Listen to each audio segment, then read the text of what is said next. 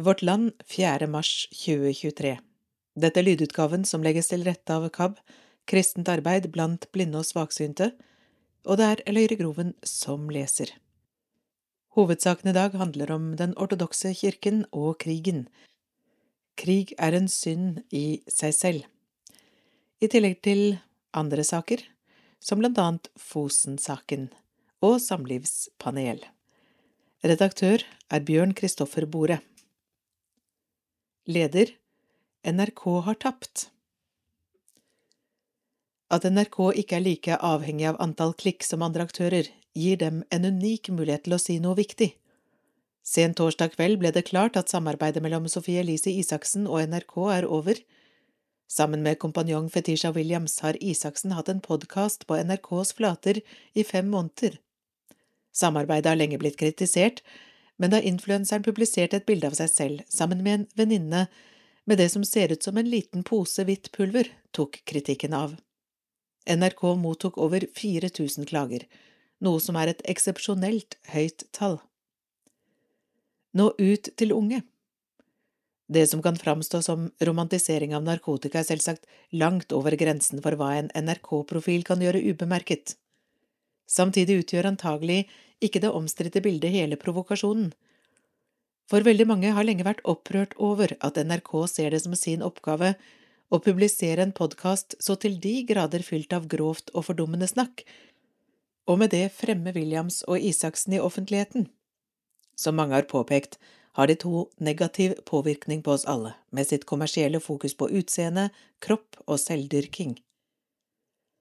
Grunnen til at NRK har valgt å bruke disse kvinnene på sine flater, er at de ønsker å nå unge mennesker. At allmennkringkasteren ønsker det, er bra.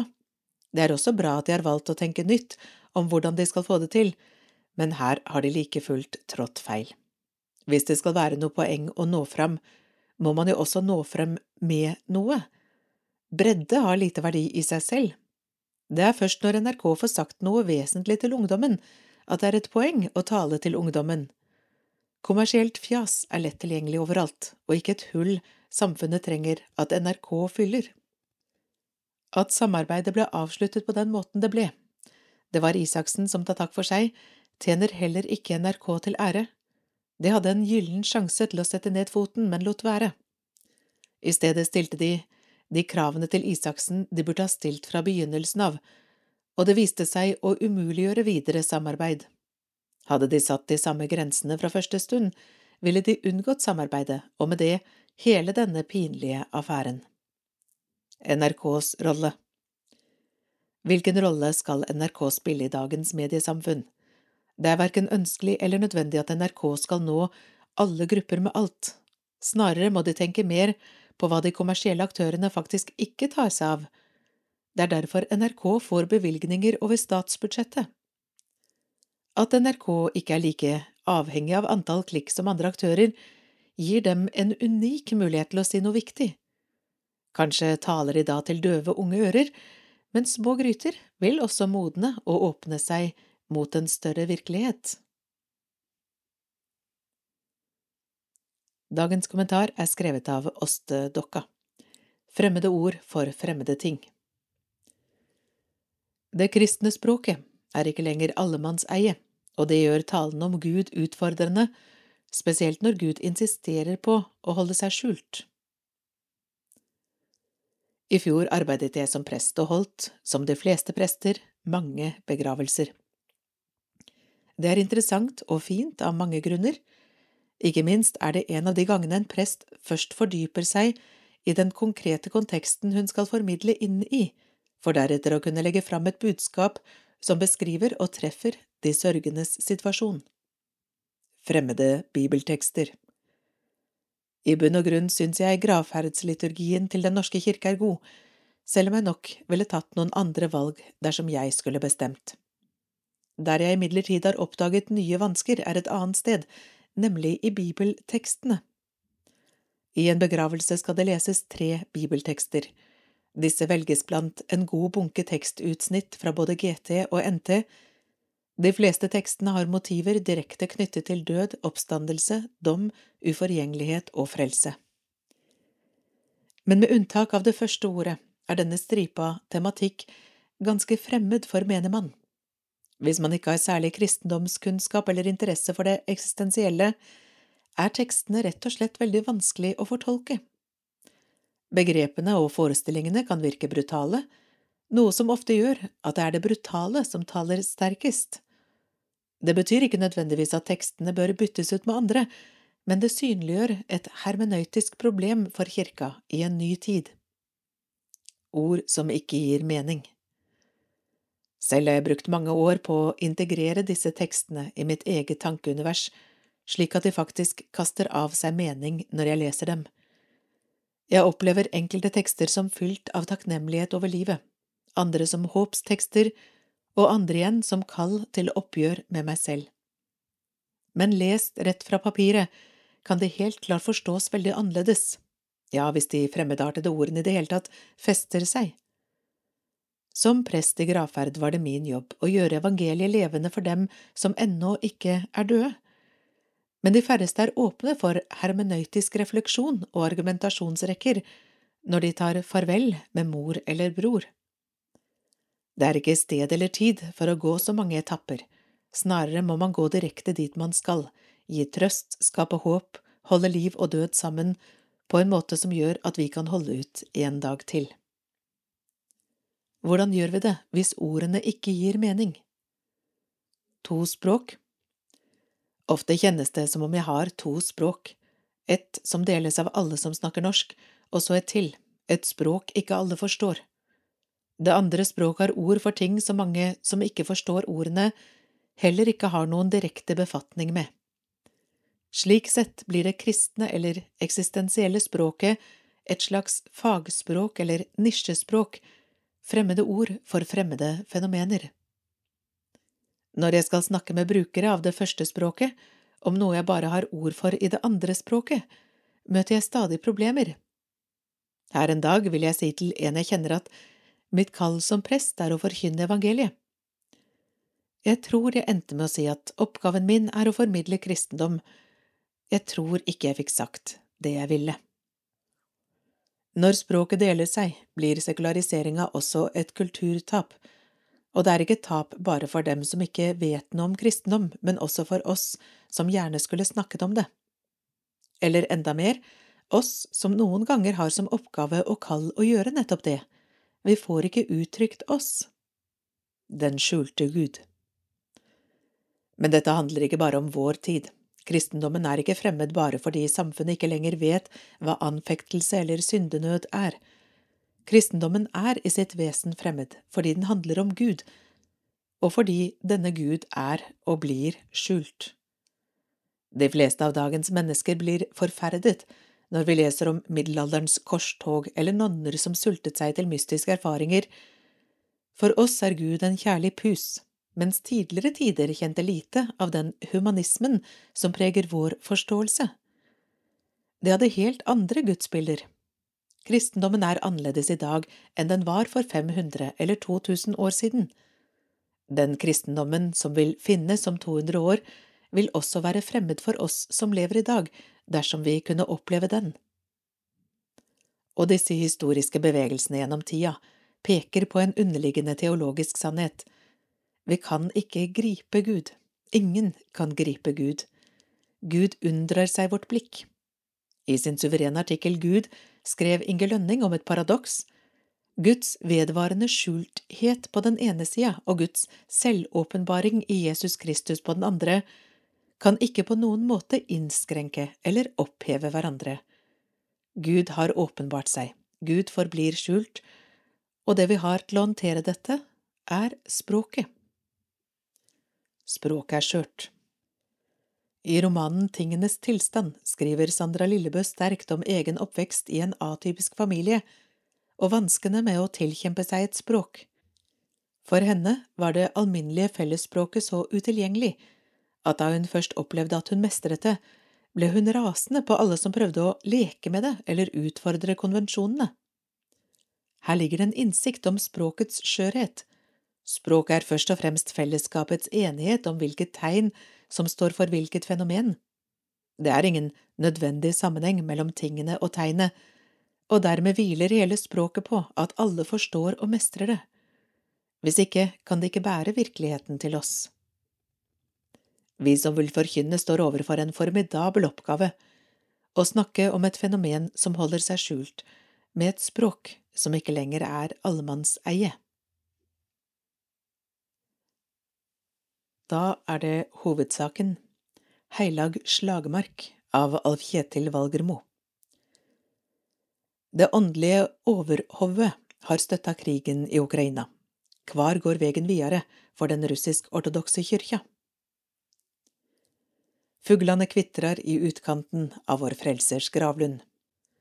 Det gamle gravkapellet har det seneste tiåret husa den russisk-ortodokse kirkelyen Heilage Olga, oppåtkalla etter en nordisk-ætta fyrstinne i Kiev på midten av 900-tallet. Nå er kirkelyen på vei hit for å feire den guddommelige liturgien på samme vis som det alltid er gjort, feire at Kristus er oppstanden fra de døde. Siden februar i fjor har de russisk-ortodokse likevel samlast med et nytt og dystrere bakteppe – krig i den himmelske verneren Olgas heimland, Ukraina. Situasjonen står i skarp kontrast til soldagen utenfor, mer i pakt med skuggene fra det tidligere gravkapellet. Da Russland invaderte nabolandet med støtte fra overhovedet for den største ortodokse kyrkja i verden, patriark Kirill, blei det litt annerledes enn før å være russisk-ortodoks kristen i Noreg. Eit tjuetall kyrkjegjengarar smett inn døråpninga, flere kvinner enn menn. Ei eldre kvinne får med seg rullatoren opp kyrkjetrappa, ei anna set krykkene frå seg i et hjørne. Men det kjem også flere yngre mennesker, de fleste kjem til gudstjeneste i joggesko. På kyrkjetrappa møter vi Jeva Berzina Rosova, som begynte å gå i Heilage Olga i 2006. Hun er utdanna musiker, jobber som kantor i Den norske kyrkja, og har i tillegg jobba som frivillig og som kantor for den norske korgruppa i Heilage Olga. Nylig reiste hun også som frivillig til en polsk grenseby for å hjelpe ukrainske flyktninger som er ramma av krigen. Jeg følte at jeg måtte få gjort noe av det gode i en situasjon der det vonde viser seg fram, sier hun. Det viktigste i trua mi er kjærleiksbåskapen. Jeg kjente et trong til å reparere i alle fall litt av det som er øydelagd av det vonde. Inne i kirkerommet er folk i gang med å tenne lys og be. Bak ikonostasen, den karakteristiske bilettveggen som skil koret fra skipet i ortodokse kirker, henger et stort bilete av den oppstandende Kristus. Etter hvert hører vi stemma til presten, så åpner en av de tre portene i konostasen seg. Presten kommer inn i kirkeskipet med det svingende røykelseskaret og spreier røykelse, et symbol for Guds nåde over oss.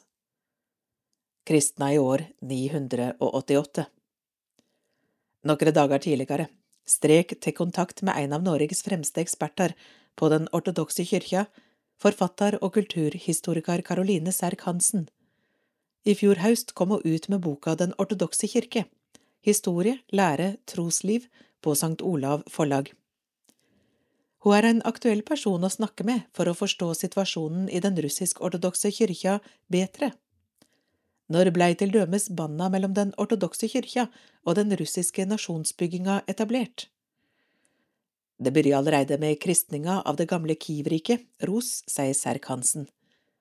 Mange identifiserer koplinga mellom stat og kirke til år 988, da kristendommen offisielt blei innført i Ros.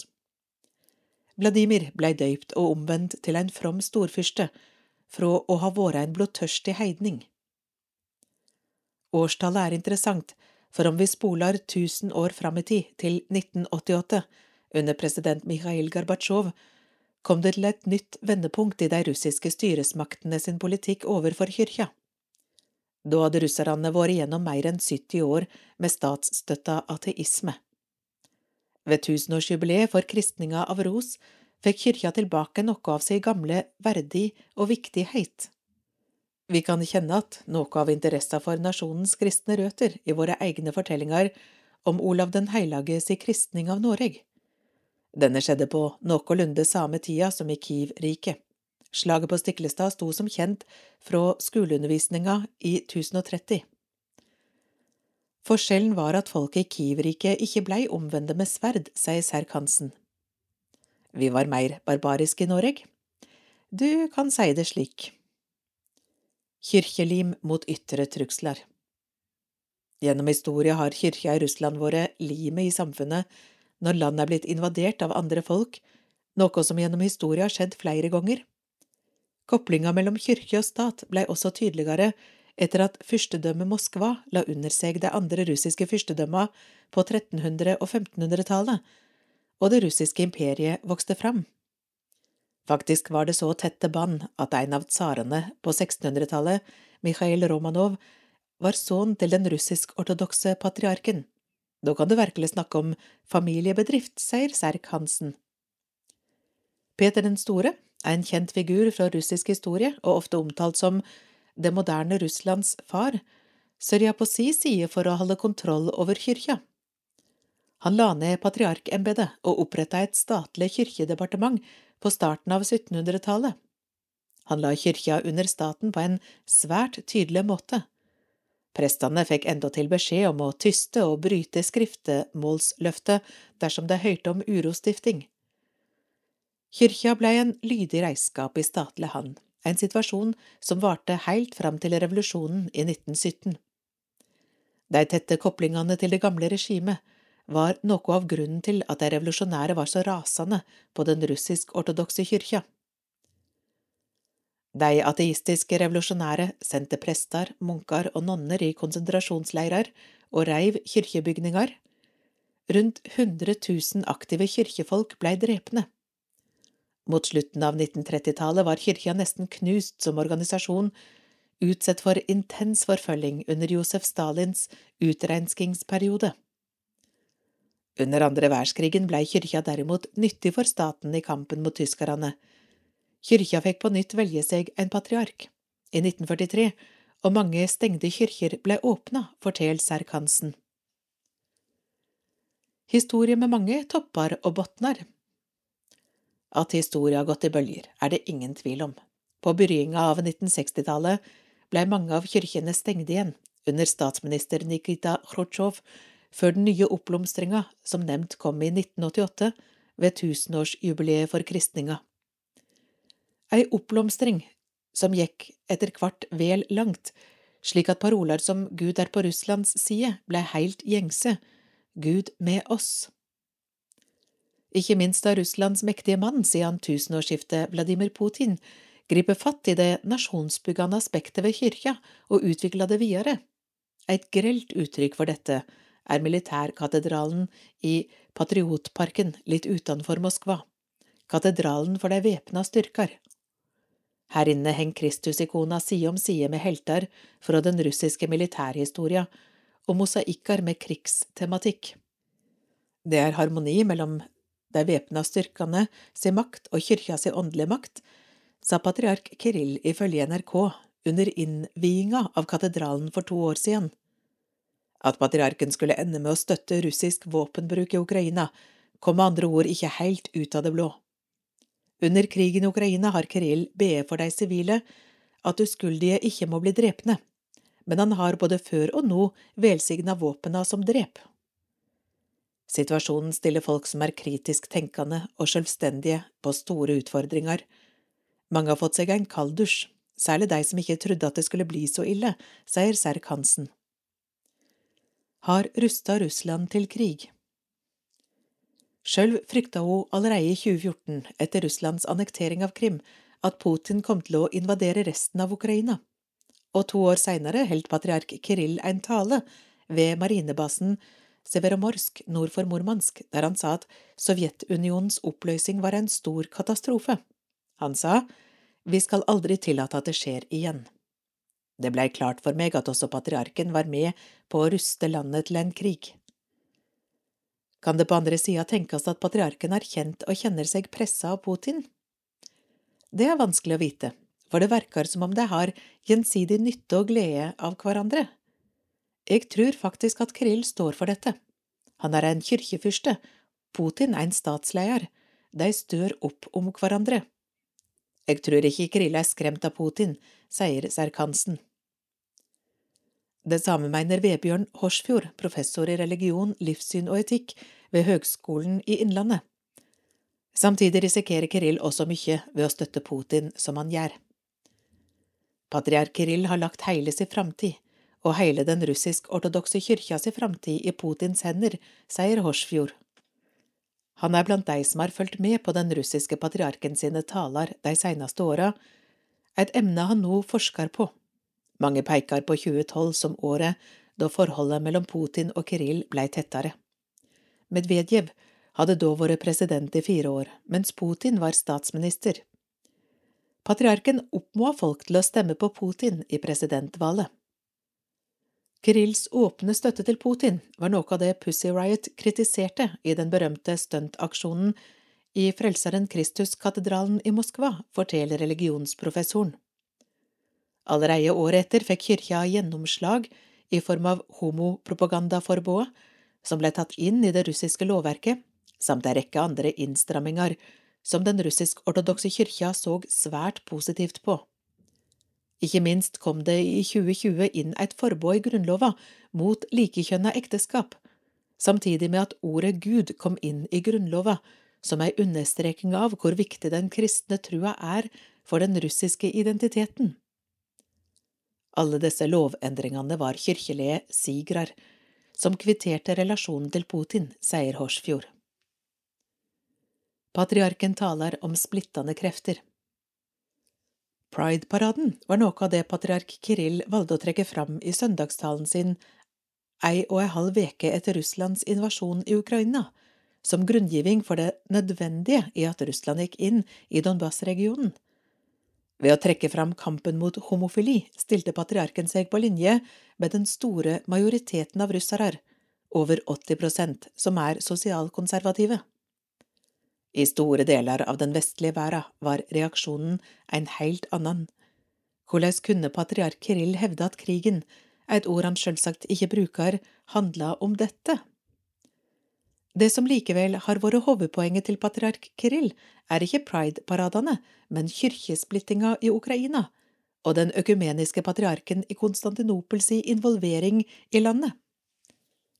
Det er dette som går att i patriark Kirills preiker, at krefter utenfra kommer inn og splitter det som hører sammen. Han mener at Gud har ønskt seg ei kirke på Det heilage ros, området som inkluderer Russland, Ukraina og Belarus, sier Horsfjord.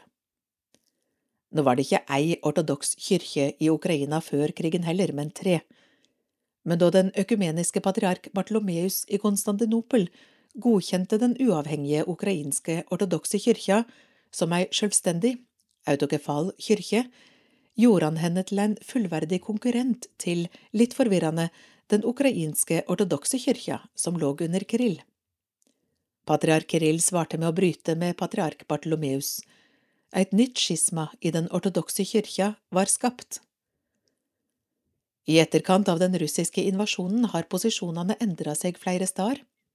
I den Moskva-orienterte kyrkja i Ukraina omtalte kirkeleiren allerede på den første krigsdagen invasjonen som Kains drap på Abel. Kyrkja har nå distansert seg fra Moskva-patriarkatet også den russisk-ortodokse kirkelyen i Nederland, som markerte brudd med Kirill og søkte vern hos Bartlomeus i staden, har fått mye merksemd.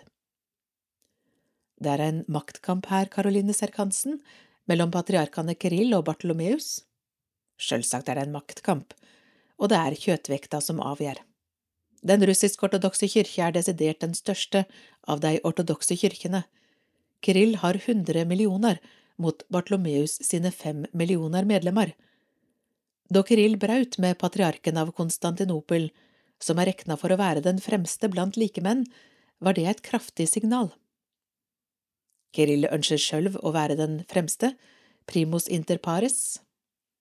Jeg vil anta at han drømmer om leiertrøya, men rangordninga i den ortodokse verda blei vedtatt på de første økumeniske konsila.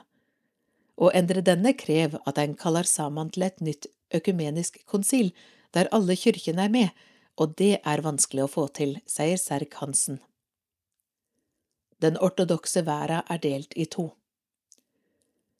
Patriark Bartlomeus tok initiativ til det som ville blitt det åttende økumeniske konsil på Kreta i 2016, men Kirill og en del andre kirkeleiere dukka ikke opp.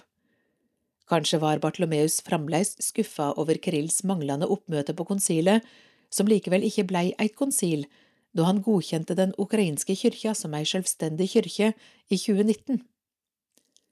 Den gresk-ortodokse kyrkja, den ortodokse kyrkja på Kypros og den ortodokse kyrkja i Alexandria slutta seg til vedtaket.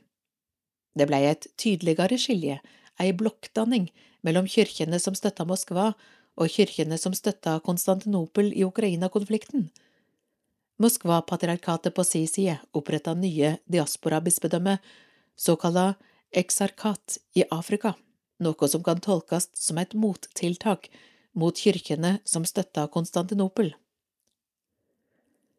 Det går nå ei splitting gjennom hele den ortodokse verden, der ortodokse kirkeleirer blir tvungne til å velge side, Moskva eller Konstantinopel, sier Horsfjord. Polariseringa var allerede sterk før krigen og kommer trolig til å bli enda sterkere i tida som kommer. Det samme mener Serk Hansen. Jeg tror at den russisk-ortodokse kyrkja kommer til å bli mer og mer isolert, og de kommer til å gi blaffen i å være en integrert del av det store kristne fellesskapet, sier hun.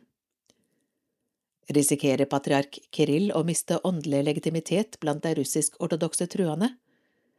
Ja, det tenker jeg, men ikke i Russland.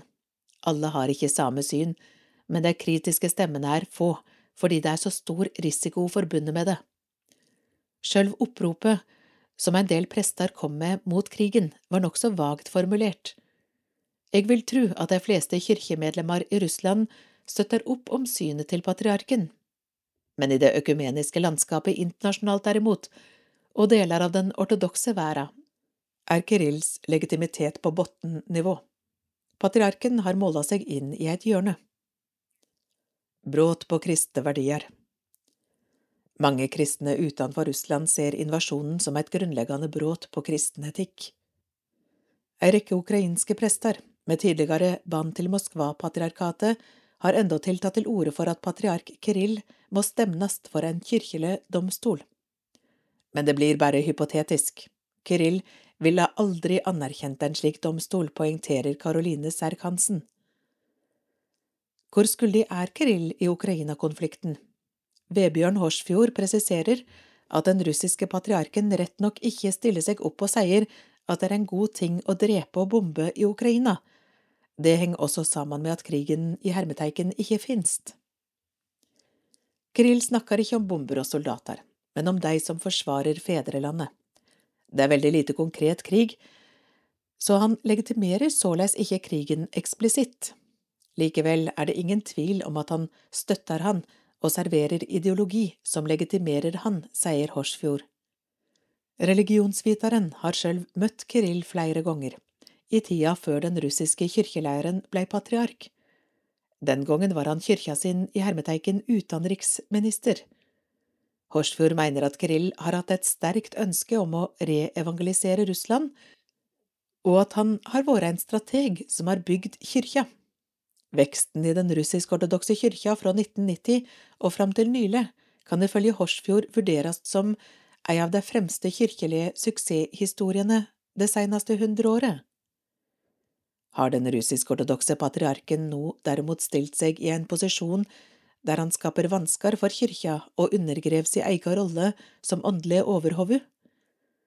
For litt siden avlyste til dømes pave Frans et møte med Kirill, noe som kan tolkes som en tydelig kritikk av den russisk-ortodokse patriarken. Kritikken føyer seg inn i bildet av en kirkeleier som har mista kredibilitet og vørna, som følge av støtta til krigen, men igjen, ikke internt i den russisk-ortodokse kyrkja. Kyrkjefolk er så tett bundet sammen i Russland at holdningene til kyrkja vil være lik holdningene i det russiske folket. Vender folket seg mot Putin, vil det bli ei retningsendring i kyrkja. Jeg veit ikke mer om dette enn andre, men folket ser ut til å stå bak Putin, sier Horsfjord. Dårlig vitnesbyrd om Kristus.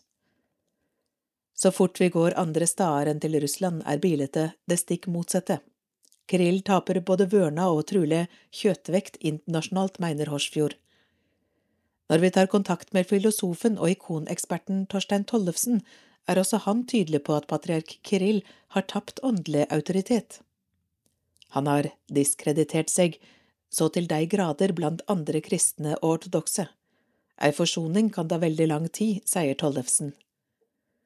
Filosofen tror likevel at mye av den russisk-ortodokse kyrkja kan reddast om det kommer til et oppgjør i kyrkjeleiinga. Et av kjernepunktene er et oppgjør med Roskimir-ideologien. Denne har søkelyset på folk og fedreland framfor kristne verdier, og på det russiske som noe privilegert i det religiøse landskapet. Du har sjølv karakterisert kirkekunsten i militærkatedralen utenfor Moskva som vranglære. Ja, jeg mener det. Han er et brudd med det ortodoks ikonografi skal være. Ikonkunsten skal uttrykke og gjøre nærværende de evangeliske sanningene. Her heilaggjør ein i staden de russiske ofra som er gjort under kriger opp gjennom historia, sier Tollefsen. Hvordan blir du som ortodoks kristen påvirka av Russlands angrepskrig i Ukraina? En av de viktigste tinga er at situasjonen er et dårlig vitnesbyrd om Kristus. Folk flest vil ikke være så nyanserte i sin vurdering av ting, så det skaper et dårlig inntrykk av ortodoks kristendom. Barnet blir kasta ut med badevatnet, som det heter. Den ortodokse kyrkja får et dårligere image. Ja, vi risikerer at det gode i ortodoksien ikke blir høyt, fordi det er andre ting som tek merksemda, sier Tollefsen, som høyrer til heilage Nikolai kyrkjely, den eldste ortodokse kyrkjelyen i Noreg. Det kjem ei tid. Tilbake i heilage Olga er det tre prester i sving bak og framfor Kristus-ikona i ikonostasen. Her er den militære symbolikken fråværende, som i ortodokse kyrkjer flest. Hovedpresten, fader Clement, er opphavlig fra Finland, og har vært prest i heilage Olga i mange år. Det kjem ei tid, les Kliment fra dagens bibeltekst, da kvar den som slår dykk i hæl, trur han gjør Gud ei tjeneste. Bibelsitatet gir assosiasjoner til situasjonen i Ukraina de seneste månedene. Forsvarte Kirill krigen i Ukraina for å samle og styrke sin egen kyrkje? Trudde han at han gjorde Gud ei tjeneste? Bror, jeg forstår ikke noe av dette. Vi må bruke Jesus språk, ikke politikkens språk, som pave Frans skal ha sagt i direkte samtale med den russiske patriarken. Den heilage liturgien i kyrkja på Vår Frelsers gravlund går sin gang. Fra galleriet syng Jeva Berzina Rosova og de andre kyrkjesangerne med sterke og bærende røyster. Prestene utfører de føreskrivne kirkelige handlingene nede i kirkerommet. Rundt to timer varer det i dag, på minnedagen for Sankt Georg, helgenen som ifølge legenda skal ha nedkjempa en drake. Unngår å snakke om politikk. Flere ukrainske flyktninger har kommet på gudstjenester i kyrkja, forteller Clement. Da krigen i Ukraina brøt ut, var det røyster som mente at ukrainere ikke kom til å oppsøke russiske kirker i det hele. Clement mener likevel at mange skil krigen og politikken fra kirkelydslivet lokalt og søker sammen på tvers av nasjonalitet. Det viktigste for oss er å se enkeltmennesket. Det politiske bakteppet er vanskelig, men vi må uansett møte hverandre, sier presten. Er krigen noe det unngår å snakke om i Kirkelyn? Ja, vi vil nok ikke snakke så mye politikk, men det er ikke vanskelig å si at krig er fælslig, og noe vi må ta avstand fra. Krig er ei synd i seg sjølv. Er du skuffa over at patriark Kirill har støtta krigen? Ja, det er vanskelig å forstå fra vår ståstad. Det er vanskelig å forstå hvorfor patriarken har valgt den linja han har gjort. Heldigvis har vi stor fridom til å organisere vårt eget liv. Det er ingen som tvinger oss til å tenke og mene det samme som Kirill. Vi har heller ikke fått noen føringer fra patriarkatet, sier fader Clement. Heilage Olga kirkelyd ligger direkte innunder Moskva-patriarkatet. Patriark Kirill er således fader Klemens øverste leder. Står du fritt til å tale imot patriarkens syn? Jeg synes jeg står fritt til ikke å dele synet hans. Det er usannsynlig at jeg skulle miste presteretten og bli suspendert fordi jeg har andre meninger enn han. Hadde Kirill som førebilete. Sognepresten mener at Kirills tanker kring krigen i Ukraina er lite tiltalende, ja beint fram skremmende. Patriarkens støtte til Russlands krigføring står for fader Clement i sterk motsetning til den Kirill han møtte som ung teologistudent i Helsinki på slutten av 1980-tallet. Jeg fungerte den gangen som altartjener i en liten russisk emigrantkirkelyd, og traff Kirill en del ganger, både under bispevisitas, høgtidelige pontifikale gudstjenester og mer privat, utenfor det offisielle programmet. Det var nesten umulig ikke å bli fascinert av denne biskopen, som kom fra det fremdeles litt mystiske Sovjet, var leder for utenlandsavdelinga til patriarkatet, hadde reist verden rundt og var kjent som en åpen og progressiv prest. Han hadde også en utrolig personlig karisma, var smart, helt spennende preiker og utfordra lytterne sine intellektuelt, forteller fader Clement. Kirill var med andre ord et førebilde for Clement og ei rekke andre prestestudenter, en postsovjetisk framtidsretta og dynamisk prest, en slags superbiskop som kunne leie den russisk-ortodokse kyrkja inn i framtida med ei hittil usett kraft. Mange trodde at Kirill som patriark ville modernisere den russiske ortodoksien og gi han en ny pust. Kyrkja har både vokst og utvikla seg enormt under ledinga hans, men det blei inga utvikling i liberal og åpen retning.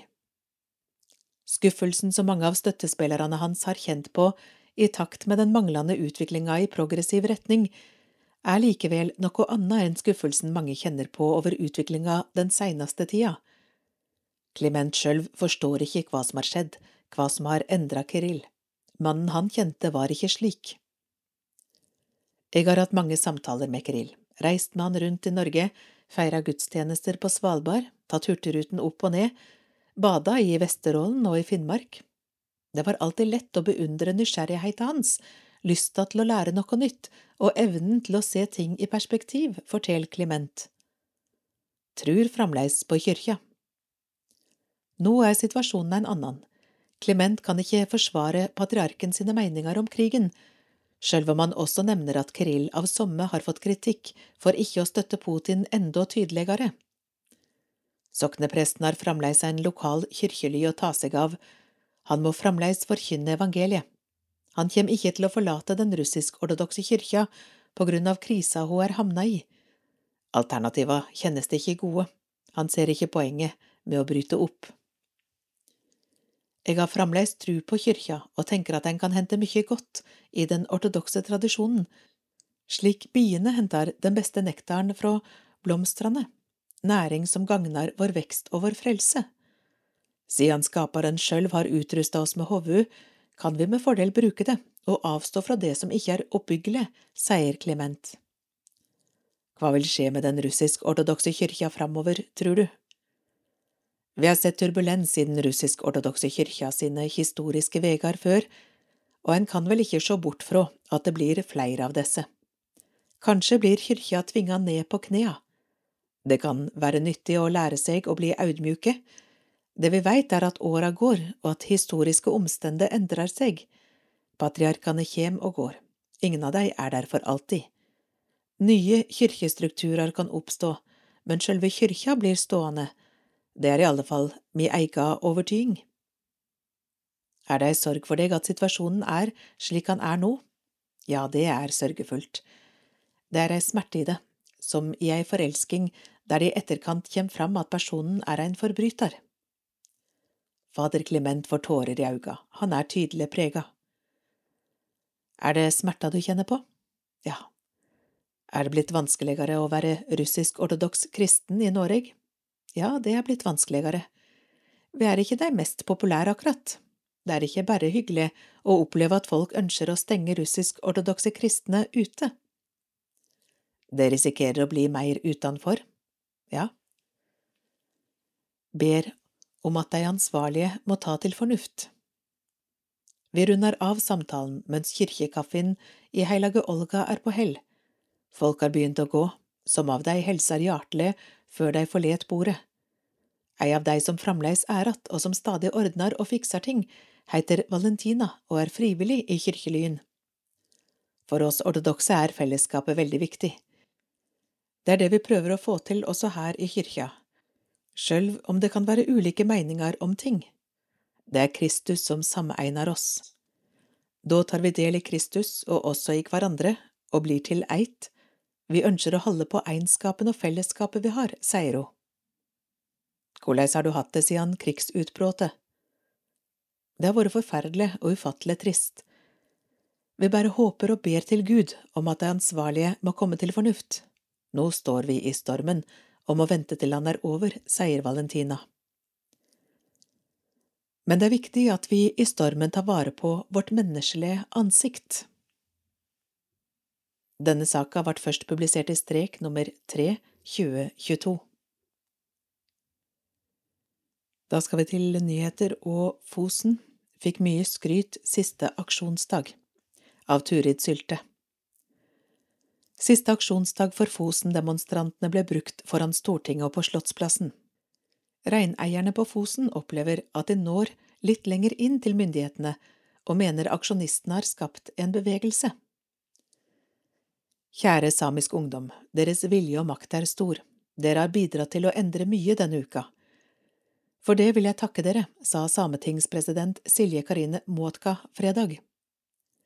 Like før hadde Ella Marie Hetta Isaksen kunngjort at de unge samiske aksjonistene nå opphever blokaden av departementer og tar en pause, men først var det stor markering foran Stortinget og siste aksjon på Slottsplassen da regjeringen skulle dit i statsråd. Over 500 dager har det tatt før regjeringen har tatt ordet menneskerettsbrudd i sin munn, det ville ikke skjedd uten dere, sa Muatka foran Stortinget. Hun mener at det aksjonistene har kjempet for, er at hver enkelt, også samer, skal ha rettssikkerhet. Vi skal ha beskyttelse mot systemet og mot maktmisbruk. Det har dere bidratt til at alle har blitt klar over, sa sametingspresidenten. Sørsamisk bestemor, det går så sakte. Nelly Stenfjell Kroik var en av mange foran Stortinget hun bor i Meråker, er sørsame og vokste opp med rettssaker mot utbygginger. Faren hyret den kjente advokaten Alf Nordhus. Nå syns hun det er fint å kunne fortelle barnebarna at hun har vært på denne markeringen. Jeg har kjent dette på kroppen siden jeg var lita, sier hun. Hva sitter du igjen med etter denne uka? Tja, hva skal man si, jeg sitter igjen med følelsen av at det går så sakte, sier Kroik. Hun er ikke sikker på at turbinene blir revet, ikke med det første i alle fall. Jeg er både pessimist og optimist, men vi får se, da. Jeg syns det er veldig bra at ungdommen setter i gang demonstrasjoner. Mye tillit som må bygges. Jon Christian Yoma i Sør-Fosen Sitje kom fra frokost med statsministeren og to statsråder. Disse demonstrasjonene har jo satt i gang en bevegelse nå løfter de vår sak, det setter jeg veldig stor pris på. Opplever du at dere når litt lenger inn hos statsrådene nå? Ja, det virker slik. Jeg håper nå virkelig at vi gjør det, men vi har mistet mye tillit til mange i den offentlige forvaltningen. Den må bygges opp på nytt for at vi skal komme videre. Sametingspresident Muotka understreket i sin appell at det er nødvendig at regjeringen forstår at sameksistens mellom vindturbiner og reindrift ikke fungerer. Hva vil du si hvis det ble bestemt i juni at nå skal alt restaureres? Oi, da skal jeg komme hit en gang til og vise glede, sier Yoma. Har åpnet gamle sår. Gina Gylver er leder for Natur og Ungdom, som har støttet aksjonene og bidratt hele veien. Jeg tror ikke vi ennå har klart å ta inn over oss hva som er satt i gang og hva som faktisk har skjedd disse åtte dagene. Det har vært intenst og kommer til å være det, for det er på en måte her det begynner. Mange har heiet på dere, men har det også kostet? Det har kostet mye. Spesielt for de samiske aktivistene er dette så eksistensielt. For oss har det vært viktig å stå der i solidaritet og lage et apparat rundt for at disse aksjonene blir så effektfulle og trygge som mulig. Å få spille den rollen har kjentes utrolig bra, men det er en svært vond kamp som også har åpnet mange gamle sår. Er du bekymra for at det hele går tilbake i gamle spor nå? Åpenbart er bekymringen der, men vi må minne oss selv på hvilken bevegelse vi har vært med på å sette i gang, hvor historisk det er at folk reiser fra hele Sápmi til Oslo og fyller gatene med samiske flagg og vrengte kofter, og så må politikerne ta stafettpinnen nå.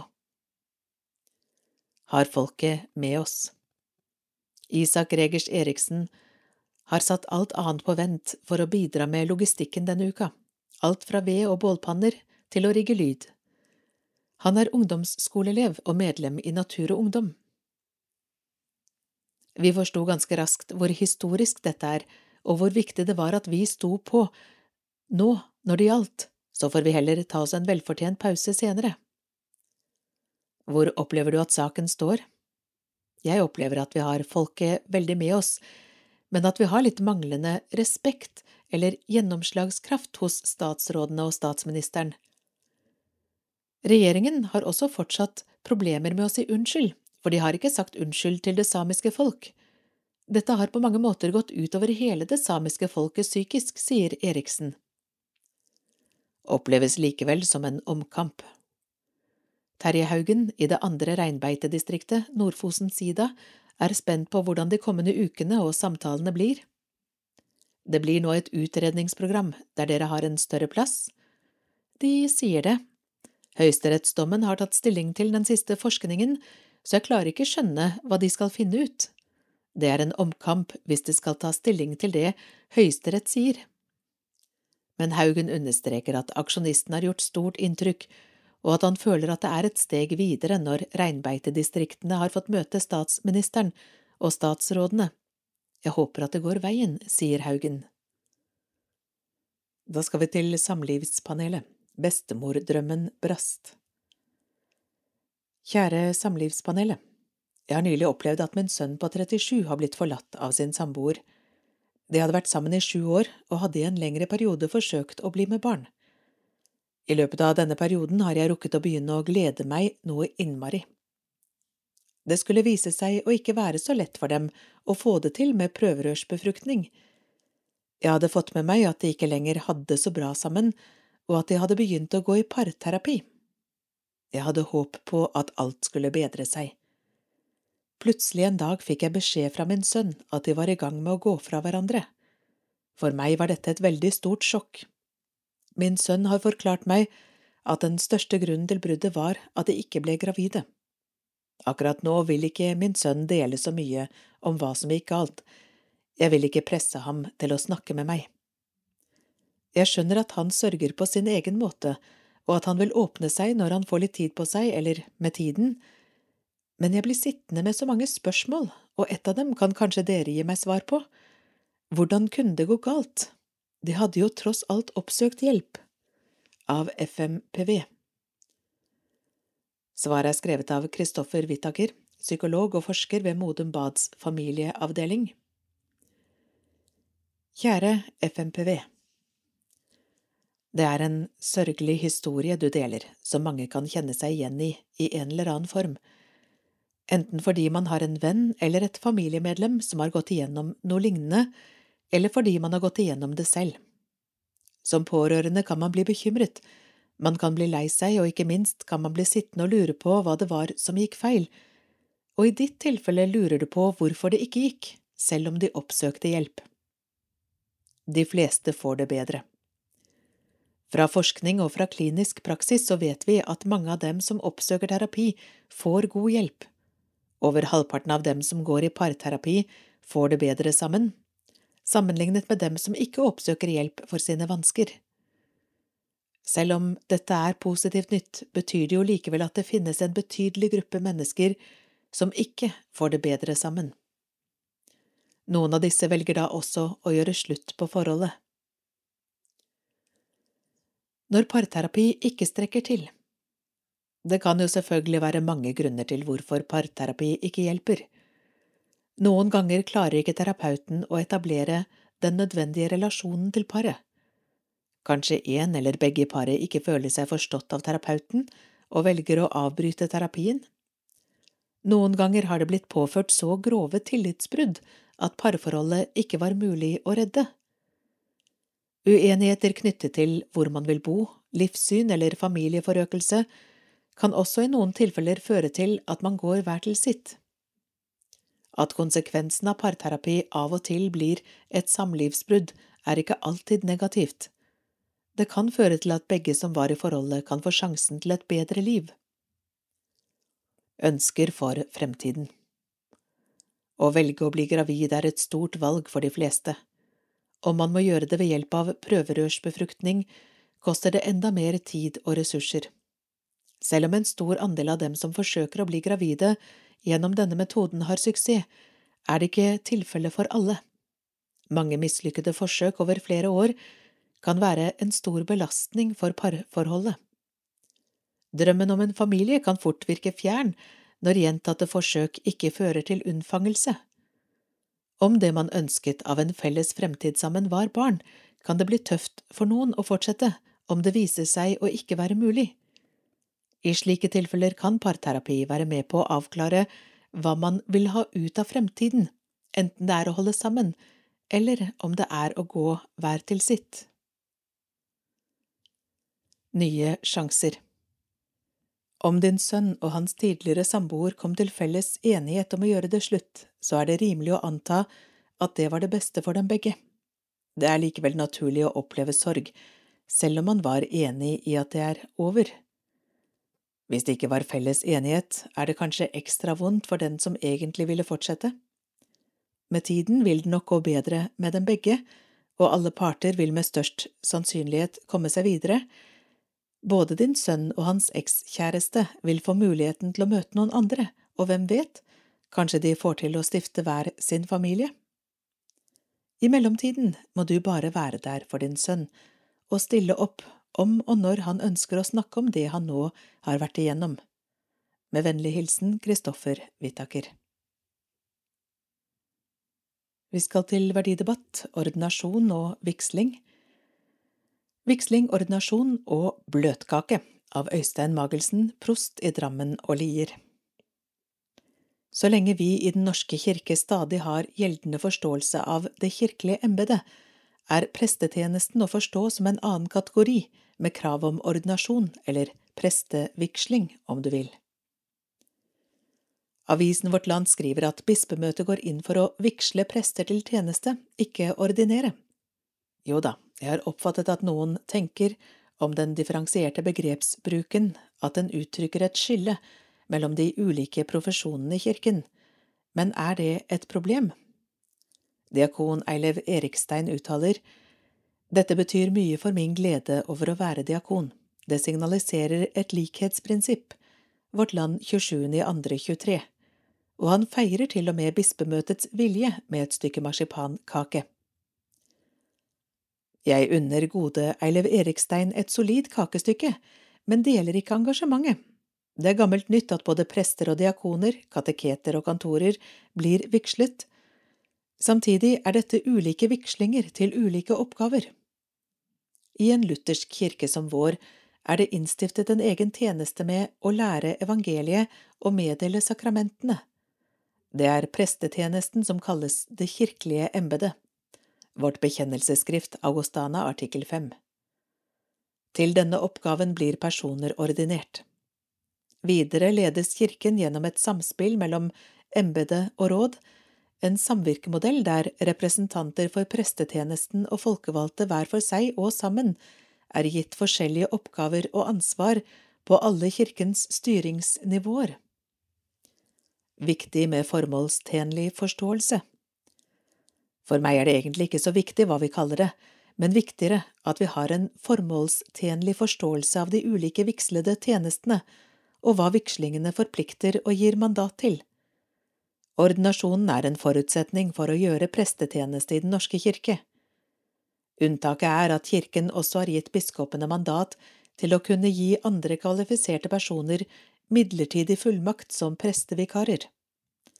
En person kan ikke kalles prest uten å være ordinert. På samme måte kan en ikke bruke tittelen diakon, kateket eller kantor uten å være vigslet, men der ender også likheten. Min erfaring er at personer som blir ansatt som diakonimedarbeidere, gjør det samme og gis det samme ansvar som en diakon. Tilsvarende gjelder undervisningsansatte menighetspedagoger, trosopplærere og annet, som mange steder fyller samme rolle som en kateket. For ikke å snakke om organister, som i praksis fungerer akkurat som kantorer.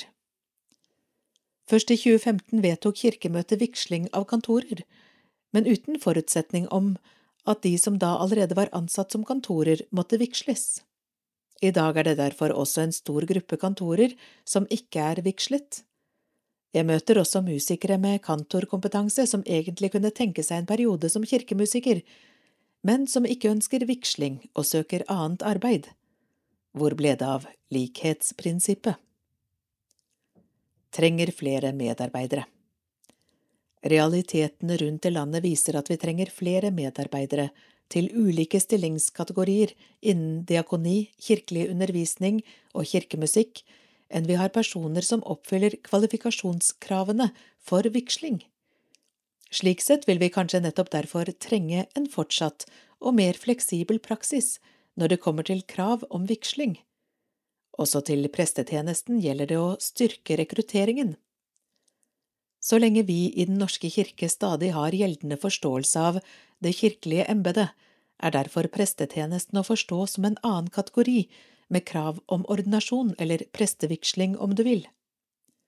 Gleden over å være det ene eller det andre tenker jeg handler om helt andre og langt viktigere ting enn vår begrepsbruk i denne sammenheng. Og hvem sa vi ikke trenger et mangfold av tjenester og funksjoner? Nå kultur og musikk, fra lovsang til The Voice av Kristin Knutsen. Flere av årets The Voice-deltakere har kristen bakgrunn. Det er ikke tilfeldig, mener høyskolelektor i musikk Inge Andreas Jacobsen. Han viser til at unge musikere blir gitt et helt vanvittig musikalsk handlingsrom i menigheter. TV 2s musikkprogram The Voice har gått av stabelen for åttende gang, siden 2012 har programmet rekruttert flere talenter som siden har etablert seg i musikkbransjen. Blant dem er Hver gang vi møtes-aktuelle Christian Christensen. I år har det nærmest blitt et fast innslag på fredagskvelden at en deltaker i programmet snakker om sin bakgrunn fra kirke eller bedehus. Det er ikke tilfeldig, skal vi tro lektor i musikk og lovsang ved NLA Høgskolen, Inge Andreas Jacobsen, 34 år.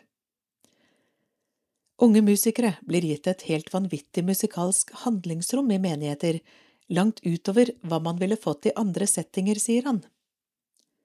Jacobsen deltok selv i programmet for ti år siden. Da oppdaget jeg at flere i programmets husband også hadde en eller annen form for kirkebakgrunn. Det er klart at musikere med menighetsbakgrunn ofte innfrir de høye kvalitetskravene som finnes i blant annet TV-produksjoner, sier han. Jacobsen peker på at kravene til det rent musikktekniske, tilpasningsevnen og den sammensatte ferdighetsbasen ofte er noe en finner i kirkemiljøet. Kristoffer Svartdal er musikkredaktør i ITV, som produserer The Voice for TV 2. Han forteller til Vårt Land at de rekrutterer bredt, men at det stadig viser seg at kirkemiljøet er et fantastisk sted å utvikle kreative gaver. De får trent talentet sitt mye der, så det er nok grunnen til at det kommer mange deltakere fra kristne miljø. Kjærlighet for kormusikk Det var mange som sa at jeg burde være med på The Voice, så da endte jeg opp med å stille. Det hele var i grunnen nokså spontant, men jeg tenkte at det var på tide å prøve noe nytt, sier Christian Reite Grøtteland, 25 år. Han er en av årets deltakere som kommer fra et kristent musikkmiljø. Med låten Flying av Cody Fry imponerte han dommerpanelet og ble sendt videre i konkurransen om å bli landets beste stemme. For TV-opptreden fikk han Ukas ros av Tro og Medier, en organisasjon som jobber for å gjøre Jesus synlig i mediene. På en naturlig og frimodig måte delte han sin kristne tro med oss TV-seere. Dette er utrolig flott og fortjener en stor takk og ros fra oss, skrev daglig leder Jarle Haugland. Grøtland forteller til Vårt Land at musikkinteressen begynte med kjærligheten for kormusikk. I dag synger han i gospelkoret Mosaik i Oslo. Selv synes han at mange kristne miljøer tilbyr en unik erfaring når det gjelder det musikalske. Jeg tror det handler om sjansene som ligger der med tanke på lovsang, kor og band. Det er mye muligheter som gjør at man kan vokse på det musikalske. Før jeg startet i ungdomskoret, kunne jeg ikke legge andre stemme, men nå er det helt naturlig, og det er jo ved hjelp av dette apparatet, sier Grøtland, basert på egen erfaring. Man utvikler seg, både som menneske og musikalsk. Det er et apparat som er til stede for å bygge dyktige musikere, sier han. Musikkglede i menigheten En annen kristen deltaker som har fått mye oppmerksomhet for sin audition i årets The Voice, er Camilla Amundsen. Hun valgte å synge salmen Å bli hos meg, skrevet av salmedikteren Henry Francis Light i 1847. Hennes fremføring av den folkekjære salmen tente på alle plugger hos dommerpanelet, og hun fikk velge og vrake blant mentorene. TV-kameraene viste også at flere i publikum ble rørt til tårer under framførelsen. I menigheten der jeg vokste opp, var det mye fokus på musikkglede. Vi fikk utfordre oss. Det var betydelig rom for å prøve og feile musikalsk. Det fine miljøet blir derfor helt ulikt noe annet, sier Camilla Amundsen om sin bakgrunn. God arena. Inge Andreas Jacobsen peker på at det har vært en gradvis utfasing av den uformelle sangstunden. Han mener den institusjonaliseres, og at vi i større grad vil se at det er de som kommer fra musikkskoler eller musikkarbeid i menigheter, som utvikler musikalske ferdigheter. Når det gjelder kirkemiljøet, trekker han fram at det er en god arena for å lære å lese et rom og improvisere kollektivt. Det finnes naturligvis mange dårlige valg som også blir begått søndag ut og søndag inn, men der blir ikke feilene så knusende, for nåde ligger som grunnlag for utøvelsen. Man er mer enn bare musiker, man lever også et disippelliv ved siden av. På grunn av det tror jeg at man utdanner hele mennesker i Kirke-Norge, noe man ikke ser like ofte under andre typer rammer, sier Jacobsen. Jeg tror det er en klar grunn til hvorfor man åpenbart ser kjentfolk fra kristenmiljøet i de mest profesjonelle musikkforaene i Norge, legger han til. Når det er sagt, advarer Jacobsen samtidig mot at kirkemusikken, og særlig lovsangen, kan bli kreativt begrensende. Det profesjonelle lovsangsuttrykket er nesten blitt så ensidig at det ikke er rom for frihet. Det syns jeg er bemerkelsesverdig og på vei mot problematisk. Jeg har vært i samtaler med oppgitte kirkemusikere som føler seg fastlåst og presset til å spille identisk som en gitt innspilling. Man kan nærmest se en slags ærefrykt for det innspilte materialet, slik at ingen tør å bearbeide det. Slik var det ikke før, da var det langt mer fritt. Det skal fortsatt handle om musikk, men nå salmer. Det er et album, Rafsbotn læstadianske menighet, O du kjæra Guds barn. Altså nytt album. Dette er en anmeldelse av Tore Hegdal. Det er tid til å gråte. Ny utgivelse med læstadiansk sang viser hva salmesang faktisk er. Redaksjonen har oppfordret meg til å rette anmelderbrillene mine mot en ny utgivelse med salmesang. Det dreier seg om albumet O du kjæra Guds barn, utgitt av Rafsbotn læstadianske menighet helt nord i Finnmark. Men selv en så sylskarp kritiker som jeg blir hjelpeløs i møte med dette. Først og fremst er nok utgivelsen tenkt for menighetens egne medlemmer og sympatisører, men den ligger tross alt på strømmetjenestene, åpent for alle, og nå har til og med pressen fått snusen i den. Slipper ikke unna kunsten. Alt her er veldig enkelt. En liten gruppe fra menigheten, to til fire personer, kvinner og menn, synger sangene til et diskré orgelakkompagnement. De synger vers etter vers, uten forsøk på å variere eller på noen måte gjøre det interessant. Albumet forteller noe om hva salmesang faktisk er. Det handler om hengivelse, om hvordan man retter all energi i én en eneste retning. For mange år siden bodde vi til leie hos en ugift eldre dame. Om kvelden når huset var stille, kunne vi av og til høre henne synge for seg selv, Velt alle dine veier og all din hjertesorg på ham, som har i eie den hele himmelens borg. Det var sang for Guds øre, og, det kunne man tro, helt uten kunst. Men så lett er det ikke å slippe unna kunsten, den er overalt, ingen steder er du trygg. Alle som har prøvd å synge noen toner, for ikke å snakke om den ekstremt uttrykksfulle melodien Tilvelt alle dine veier, vet hva jeg snakker om. Tonene tar hjertet ditt og løfter det ut i verden. For et øyeblikk er du kunstner. Hengivelse Men de som har prøvd, vet også at når man opplater sin stemme på denne måten, blir man fort selvopptatt, særlig hvis det er andre til stede som hører ens bidrag. Da er det nesten umulig å være hengiven. Det musikere gjør med dette, er at de perfeksjonerer seg til de kommer frem til hengivelsen som et uttrykk, en fremstilt hengivelse, så å si. Det høres instrumentelt ut, men de beste kunstnerne fokuserer hele personligheten sin inn i uttrykket. Ikke noe energi går til spille i selvbevissthet, forfengelighet, eller hva du vil kalle det. Kunsten blir usynlig, og forskjellen mellom hengivenhet og fremstilt hengivenhet forsvinner. Et fint og rørende eksempel på dette er Gavin Bryers komposisjon Jesus Blood Never Failed Me Yet, med et opptak fra gaten, hvor en uteligger synger noen fraser av en gammel hymne, og med instrumentalmusikk av Bryers lagt rundt stemmen. Komponisten forteller i et intervju at da han hørte opptaket i studioet sitt, ble han klar over at uteliggeren må ha hatt nærmest absolutt gehør. I hvert fall synger han i en klart definert toneart, A-dur, helt rent og uten å miste kontakten med tonearten. Dette gjorde det mulig å legge på instrumenter i det hele tatt. Sjekk ut stykket hvis du ikke kjenner det. Det er hjerteskjærende vakkert og helt hengivent, og altså med absolutt gehør.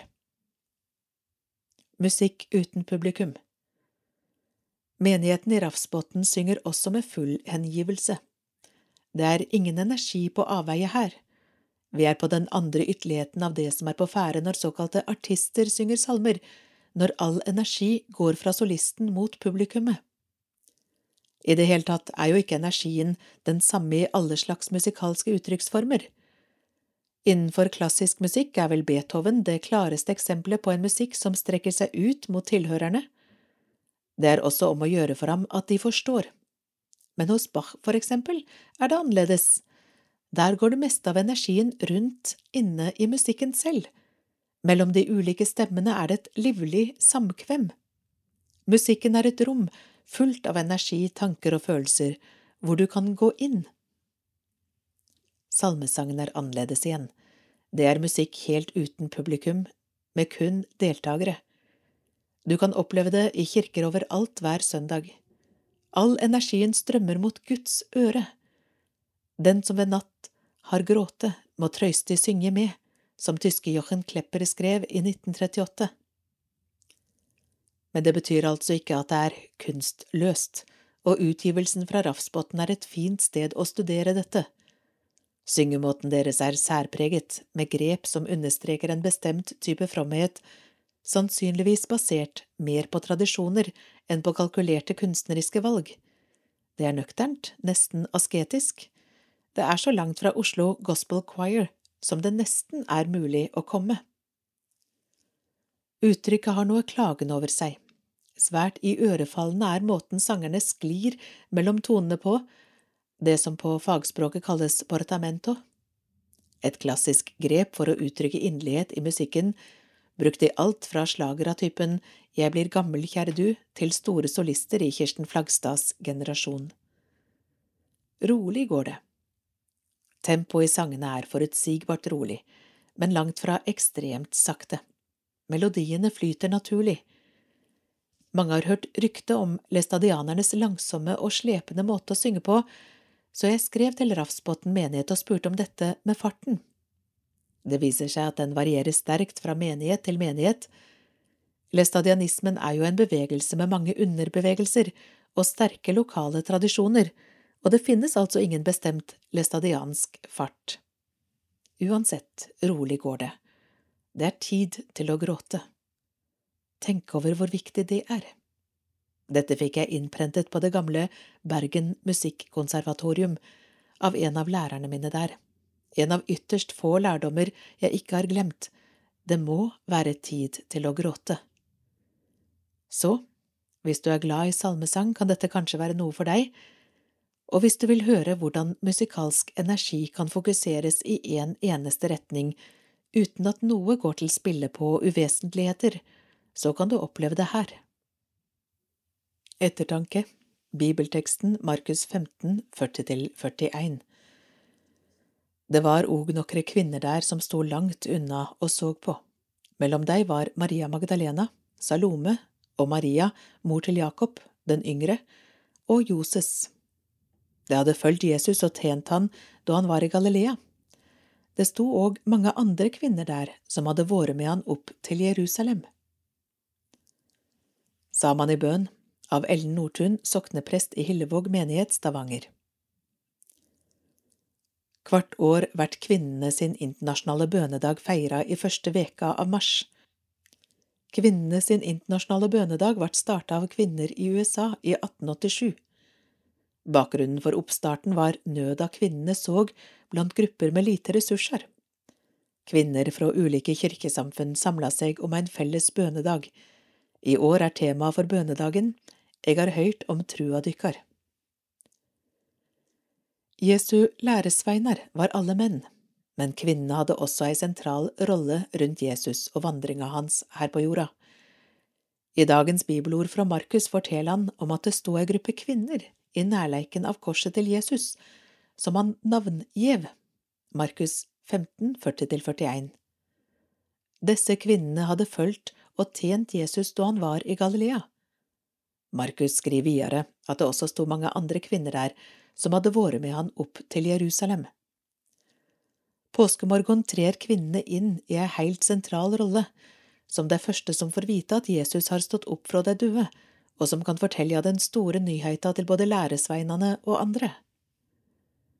På kvinnene sin internasjonale bønedag binder en verda saman i bønn.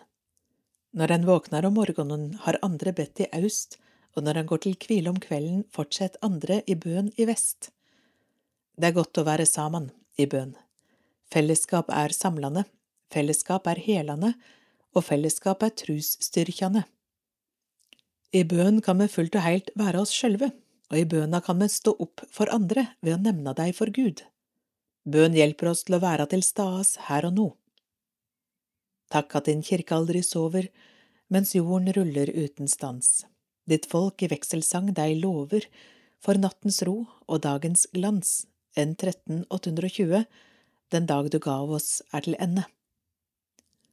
Takk, Gud, for at du hører bønene våre enten vi ber høgt eller stille.